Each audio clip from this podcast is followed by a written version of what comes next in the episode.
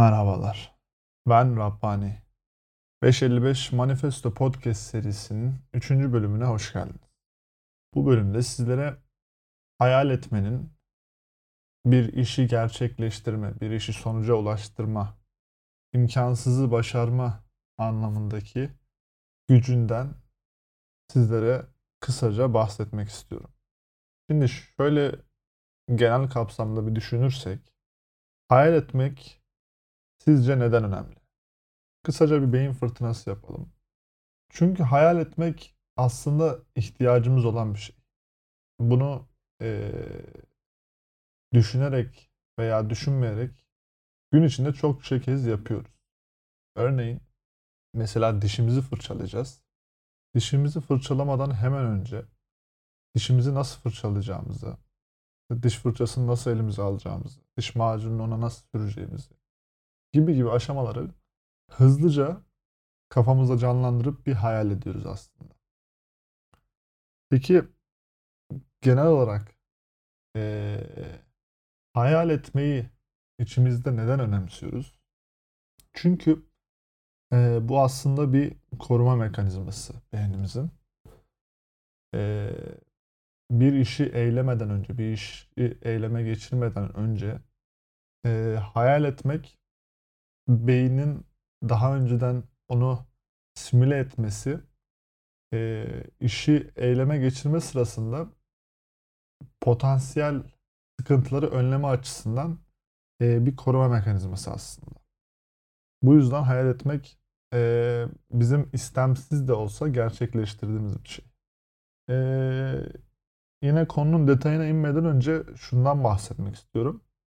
E, burada aslında podcast serisinde size hayal etmenin e, ne kadar güçlü e, bir kavram olduğundan bahsedeceğim ama e, bu bu seri, bu bölüm, bundan sonra süre gelen her bölüm de dahil. Bunlar sadece kuru motivasyon sözlerini içermeyecek. Burada gazlamak, slogan atmak için bunları anlatmıyorum. hayatınızda e, iş hayatınızda, kişisel yaşantınızda kullanabilin. E, bunların farkında olun, fikir edinin diye sizlere bunları anlatmak istiyorum. E, amacım kimseye kürek satmak değil. Çünkü motivasyonun asıl anlamının e, bir işe koşma, e, bir davranışı güdüleme anlamına geldiğini biliyorum. O yüzden e, sadece sizlere hayal satmak veya slogan atmak için bunları anlatmıyorum.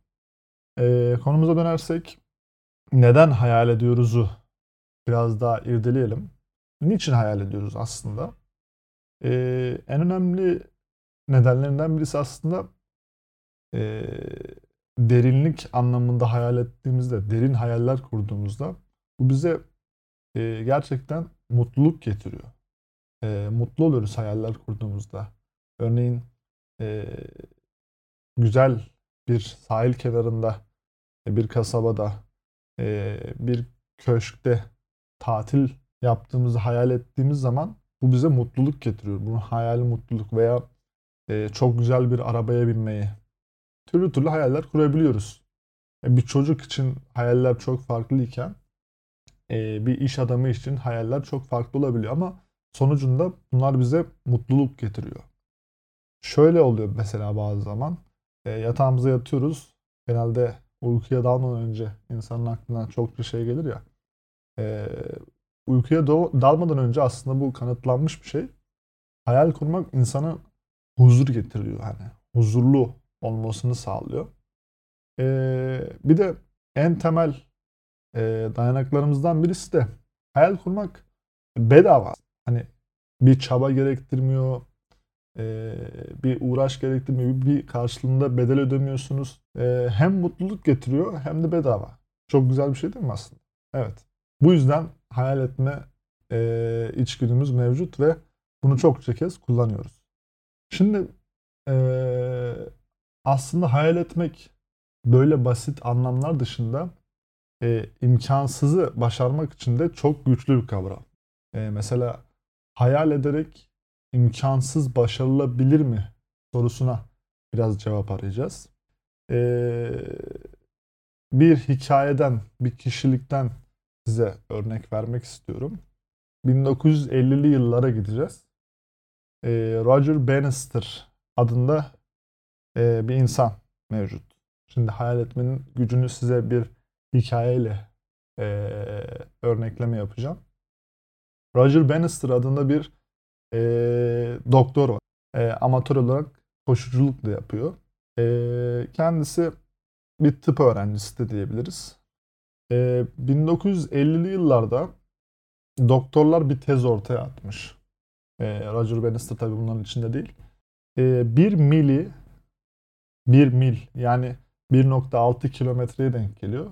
Bir mili e, hiç kimse 4 dakika altında koşamaz. E, bu insan fizyolojisine aykırı. Bu imkansız bir şey diye ortaya bir e, tez sunuyorlar. Roger Bannister da e, kendisi bir tıp öğrencisi o sıralar. E, düzenli olarak amatör yarışlara çıkıyor. E, bir slogan atıyor. Diyor ki doktorları ben yalancı çıkaracağım ve bunu ben yapacağım diyor. 1 mili 4 dakika altında koşacağım diyor. E, buna benzer bir hareketi günümüzde yaptığımızda düşünürsek en yakın dostumuz diyeceğimiz insan bile e, bizi küçük görebilir aslında değil mi? Çünkü imkansız bir şey gibi gözüküyor. Bilimsel bir açıklaması var.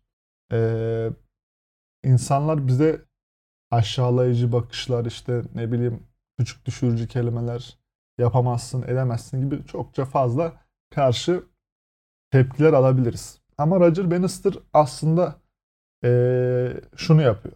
Bunu dedikten sonra bir hayal etme ritüeli. Bu hayal etme ritüelini 1954 yılına kadar yapıyor. 1950'den 1954 yılına kadar. 1954 yılında yapılan bir e, koşu yarışında ilk defa 1 mili 4 dakika altında koşmayı başarıyor. E, yanlış hatırlamıyorsam 3.59 küsür saliseleri falan. Ama e, burada işin enteresan tarafı şu. Daha önce bu rekor hiç kırılamamışken, imkansız gibi düşünülürken Roger Bannister bu rekoru kırdıktan sonra 2 sene içerisinde 37 kişi daha bu rekoru kırabiliyor. Şimdi burada bir e, düşünmemiz gerekiyor. Burada farklı olan ne? Acaba ne değişti de Roger Bannister koştuktan sonra 2 sene içerisinde 37 kişi daha bu rekoru kırdı. Roger Bannister sizce sadece e, antrenman yaparak mı 1 mili 4 dakika altında koştu? Pratik insanı mükemmelleştirebilir ama mükemmel pratik insanı daha çok mükemmelleştirir. Şimdi bu konunun çok fazla detayına inmeyeceğim. Başka bir bölümün konusu olacak bu. Burada şuna değinmek istiyorum. Ee, Roger Bannister aslında şunu yaptı. Kendisini 1 mili 4 dakika altında bitiren bir koşucu gibi hayal etti. Yani e, o koşuya nasıl başladığını düşündü, imgeledi. Koşunun bitişine nasıl geldiğini imgeledi. O anki atmosferi kendi düşündü, kendi içinde yaşadı. Tüm haliyle o koşuyu yapıyormuş gibi zihninde bunu hayal etti ve o koşuyu koştuğunu imgeledi. Bunu sürekli yaptı. Vazgeçmeden bunu sürekli düşündü, hayal etti, imgeledi. Bu aslında neyi sağladı biliyor musun? Ee, bu sonuca ne kadar inandığını yani bir mili 4 dakika altında ben koşacağım. Kesin bundan eminim demesine sebep oldu. 1 mili 4 dakika altında koşacağım ben diye e, kendine şartlamış oldu. Hayal ederek ve düşünerek. Şimdi burada aslında hayal etmenin tetiklediği şey çok fazla gerçekten hayal edip e, imgeledikten kendine bunu şartladıktan sonra aslında bir zaman sonra mükemmel bir inanç kaynağı ortaya çıkıyor. Gerçekten inanıyorsunuz. Tamam ben bunu artık koşacağım. Ve hatta inanç da o kadar artıyor ki eminsiniz artık. Hani hiçbir şüphe yok aklınızda. Bu oluştuğu zaman da var olan potansiyelinizin maksimumunu kullanma yönünde bir eğiliminiz oluşuyor. Yani o kadar fazla inanıyorsunuz ki e, vücudunuz, zihninizin mental e, kapasitenizin tamamını kullanma yönünde bir eğilim gösteriyor.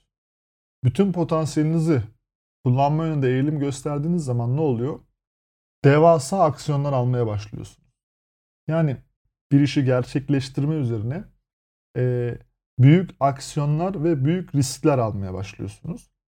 Ve muhteşem bir inanç, maksimum potansiyel, devasa aksiyonlar size ne getiriyor? İstediğiniz sonucu, aslında hayal ettiğiniz sonucu getiriyor. Şimdi Roger Bannister'dan sonra e, sizce neden 2 sene içinde 37 kişi daha e, o rekoru kırdı? Çünkü artık imkansız denilen şeyi bir kişi yapmış. Bir sonuç vardı ortada. Roger Bannister'a göre onların yapması daha olağandı. Çünkü ellerinde hayal edebilecekleri bir sonuç mevcut. O yüzden e, onu örnek aldılar. Onu imgelediler. Roger Bannister'ı imgelediler. Onu hayal ettiler. Ve bu şekilde sonuca daha kolay ve daha efektif ulaşabildiler. Şimdi az önce anlattığım konseptten kısaca bahsedeyim. Ee, şimdi hayal ediyoruz e, ve imgeliyoruz. Hayal ettik, imgeledik. Bunu yüksek düzeye çıkarttığımız zaman artık sonuçtan çok fazla emin oluyoruz. Bu yüksek inancı ve kesinliği getiriyor. Artık her şeyden eminiz. Maksimum inanç düzeyine çıktığınız zaman bütün potansiyelinizi kullanmanıza yarıyor.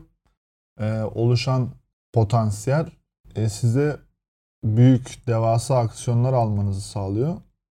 Ve bu devasa aksiyonlar ise istediğiniz sonucu, hayal ettiğiniz sonucu getiriyor. Bu döngünün ismi kutsal döngü olarak adlandırılıyor ve e, ilerleyen serilerde bunu da bir konu olarak ele alacağım. Şimdi sona gelirsek e, bir işi gerçekleştirme zamanında, bir işi gerçekleştirmek istediğimizde kimsenin imkansız demesine aldamamak gerekiyor. Tabi bu kimi zaman çılgınlık olarak da adlandırılabilir ama e, burada bahsetmek istediğim şey e, istediğiniz sonuca ulaşabilmek için e, sadece çok çalışmak, çok çabalamaktan ziyade hayal etmek, onu imgelemenin e, gücünden bahsetmek istiyorum. E, tabii size inanmayanlar, karşı çıkanlar elbette olacaktır ki e, bilimsel e, kanıtlarla sunulmuş bir e, gerçek ki ilkel beyin dediğimiz beyinde e, bilinç dışı olarak insanlar e, ne kadar e, bunu istemiyor olsa da e, e, bir başka kişinin e, kendisi dışında bir başka kişinin bir şeyler başarabiliyor olması bilinç dışında bir kıskançlık oluşturuyor. E, bu yüzden de e, karşı çıkmalar, kabullenmemeler, istememeler veya olumsuz görüşler elbette olacaktır. 555 Manifesto Podcast serisinin 3. bölümünde sizlere hayal etmenin ve düşünmenin e, öneminden, e, imgelemenin gücünden bahsettim. Sorularınız, dilekleriniz ve istekleriniz için e, rabbaniyazıcı.gmail.com mail adresinden bana e-posta gönderebilirsiniz. Bir sonraki bölümde görüşmek dileğiyle. Kendinize iyi bakın.